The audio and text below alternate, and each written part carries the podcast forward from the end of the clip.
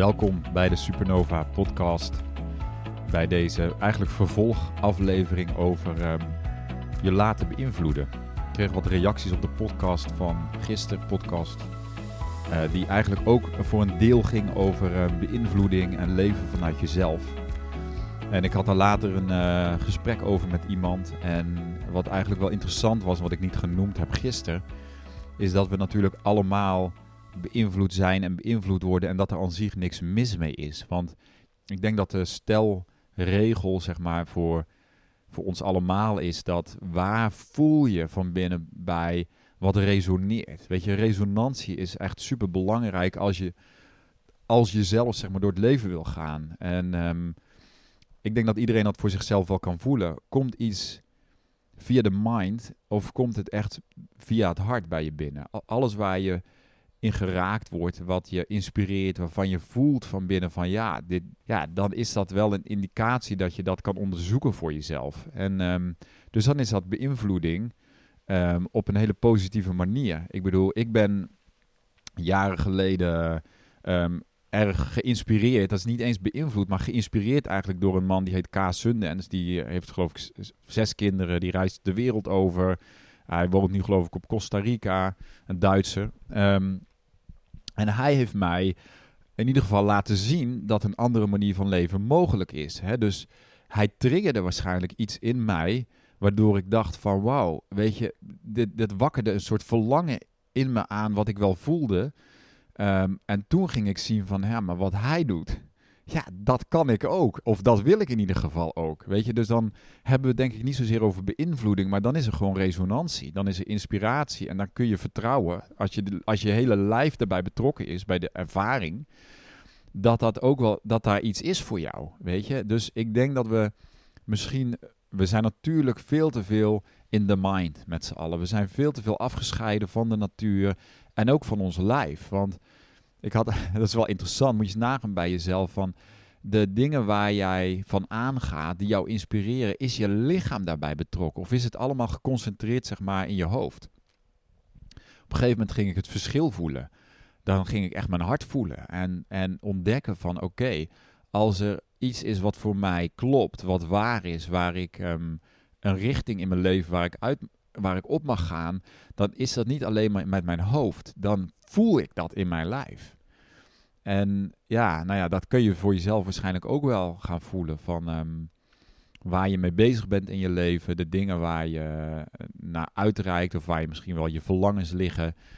Komt dat uit je hoofd? Zit dat alleen in je hoofd? Of komt dat uit je hart? Weet je, ik kan me herinneren. Ik, ik, kan al, ik zeg dat wel eens. Ik kan alleen maar uit mijn eigen ervaring delen. Dus niet omdat ik zo graag over mezelf praat. Maar ik noem die voorbeelden omdat ik weet dat dat gewoon uh, behulpzaam kan zijn voor andere mensen. Ik kan me bijvoorbeeld heel goed herinneren dat de elf jaar dat wij in Nederland woonden, dat wij ieder jaar wel bezig waren met wat gaan we doen? Wat is onze volgende stap? Dat was een soort van voortdurende zoektocht naar de missing link in ons leven, die we blijkbaar ervo ervoeren als gezin. En wij hebben echt honderden ideeën gehad om te gaan doen, om te veranderen, om te verhuizen. Echt, je kan het zo gek niet bedenken of we hebben het wel over gehad. En nu zie ik, als ik daarop terugkijk, van oh ja, dat was... Ten eerste waren we nog niet klaar om een grote stap te zetten. En ten tweede kwam een heleboel uit de mind.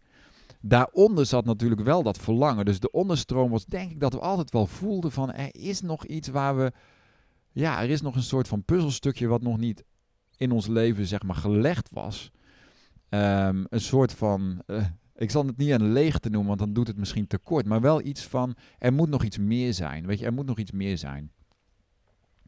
Um, alleen, ja, dat kun je niet forceren met de mind. Dus natuurlijk, zo werkt het leven niet. Je kan niet met je mind gaan bedenken van, nou, dit is wat we willen, dit is wat we allemaal gaan doen. Er moet coherence zijn tussen, zeg maar, het hart en, de en het brein. Je kan niet alleen vanuit de mind leven en beslissingen nemen. Daar moet overeenkomst zijn met je lichaam. Alles in je hele wezen, omdat wij natuurlijk holistische mensen zijn. Wij hebben dat allemaal in stukjes geknipt. Weet je, we zijn allemaal afgestompt een beetje van ons gevoel en van de natuur, waardoor we veel te veel in die mind zitten. Maar je kan nooit je leven oriënteren met alleen maar de mind. Als je dichter vanuit je gevoel gaat leven en durft te luisteren naar wat je echt ervaart, daar is een mate van eerlijkheid voor nodig. En het is ook confronterend soms om naar jezelf een lijstje te maken, misschien wel, over je leven. En een soort van score te gaan geven. Het klinkt heel hoofdig, maar dat is het niet, hè? Om echt te gaan, want dat gaat over gevoel.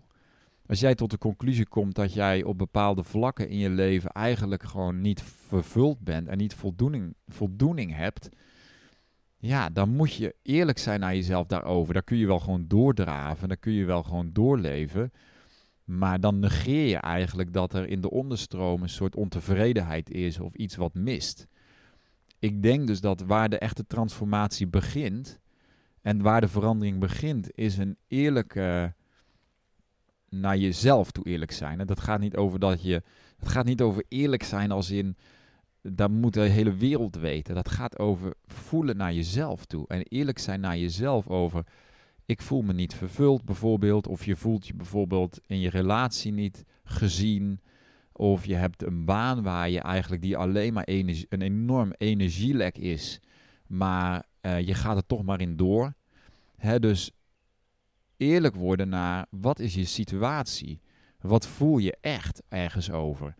Dat is de startpunt. Als je niet eerlijk bent naar jezelf toe, dan hoe kun je dan zeg maar iets veranderen in je leven?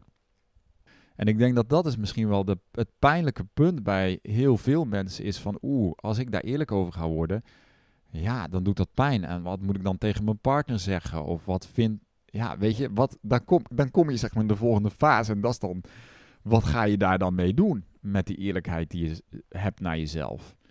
Hè, dus ik denk dat daar, ehm, ik weet niet hoe ik nou op dat onderwerp van eerlijkheid ben terechtgekomen, maar ik denk dat dat in mijn leven zeg maar de grote turning point is geweest.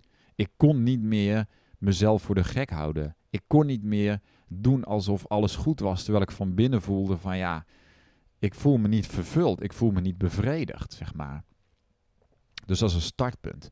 En dan hebben we het over, oh ja, over terug te gaan over die beïnvloeding. Weet je, we worden beïnvloed met de mind. Weet je, je mind en je gedachten kan door van alles en nog wat beïnvloed worden.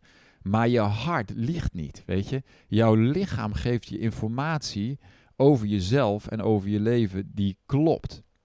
En dat is iets wat we vaak, zeg maar, een beetje afdoen, denk ik, waardoor we blijven, ja, waardoor we te veel in die mind blijven. En ik ben gek op ieder hersencelletje in mijn hoofd wat het doet. Hè? Ik bedoel, I love my mind. Laat ik het eerlijk, eerlijk zijn. Ik ben heel blij, zeg maar, hoe mijn mind werkt. Niet altijd, maar vaak wel. Alleen dat wil niet zeggen dat ik mijn leven moet oriënteren en dat ik mijn beslissingen moet laten afhangen, zeg maar, op alles wat er op mij afkomt. En ik ben gaan zien op een gegeven moment hoe beïnvloed, en dat noemen we dan geconditioneerd, hoe geconditioneerd ik ben um, op een aantal vlakken in mijn leven. Dus dan is daar ook werk te doen in het deconditioneren van al die gedachten die mij niet verder helpen, die niet van mezelf zijn. En dat kan gaan over de stemmetjes in je hoofd die me zeggen dat je maar door moet razen. En dat je ja, allerlei verplichtingen moet voldoen voor anderen. Weet je wel, dat zijn gewoon allerlei, allerlei vragen die maar blijven rond, ronddwalen in je hoofd waar je niet uitkomt. Weet je het is een soort eindeloze loop van gedachten, maar die je, je komt er niet verder mee dus als je echt verder wil komen, dan moet je zakken in je hart. Dan moet je gaan voelen. En vanuit een plek van voelen, en ik denk de beste methode is de natuur in te gaan en stilte op te zoeken. Dan kun je helderheid en clarity krijgen over wat er daadwerkelijk in je leven speelt. En vervolgens kun je dan kijken wat je daar, daarmee dan gaat doen. Hoe je dan praktisch dingen gaat aanpassen in je leven. Maar de stap die wij overslaan is de voelstap en de eerlijk naar onszelf zijn stap. Ehm, en dan kun je ook gaan kijken van ja, laat ik me nu gewoon gek maken door de wereld. Weet je, laat ik me nu beïnvloeden door, door allerlei mensen die van alles roepen. Maar wat zegt mijn lichaam eigenlijk daarover? Wat voel ik daar eigenlijk bij? En, en daar steeds meer op gaan leren vertrouwen. Ik had van de week een sessie met een klant. En die zei eigenlijk dat hij altijd een wantrouwen had gehad naar alles wat hem vreugde gaf. Moet je eens over nadenken. Dus alles waar jij energie van krijgt, wat, jij, wat jou blij maakt, dat je eigenlijk dat gaat wegdoen als van ja, maar dat, dat, dat kan niet of dat mag niet, weet je. Dan snijd je jezelf ook af van de levensstroom. Dan snijd je jezelf af van de vreugde, zeg maar, die in het leven is. Ik heb dat trouwens zelf ook lange tijd niet gevoeld. dus ook voor mij is dat een heel proces om de vreugde van het leven en waar mijn, mijn energie naar uitgaat, om dat telkens toe te laten. Weet je, dat is een keus die je maakt. Van kies ik ervoor om iets te doen wat mij blij maakt, al is het maar een heel klein ding op de dag. Of ben ik de hele tijd maar bezig vanuit plicht en vanuit doen en hard werken, of, of vanuit onbewust gewoon maar doorgaan.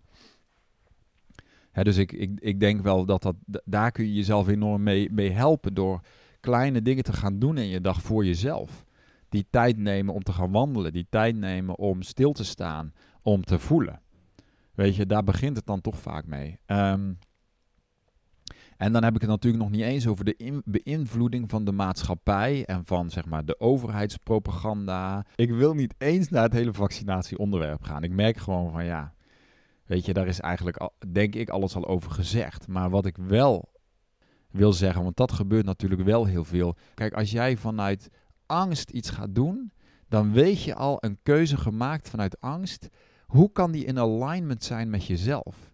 Hoe kun jij een keuze gebaseerd op een heel angstverhaal, waar ben je dan nog? Weet je, dus we worden dat is echt een enorme, ja, de angstpropaganda, die is een enorme beïnvloeding van je systeem.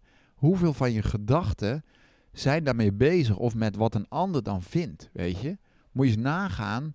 En wat vind je echt zuiver zelf?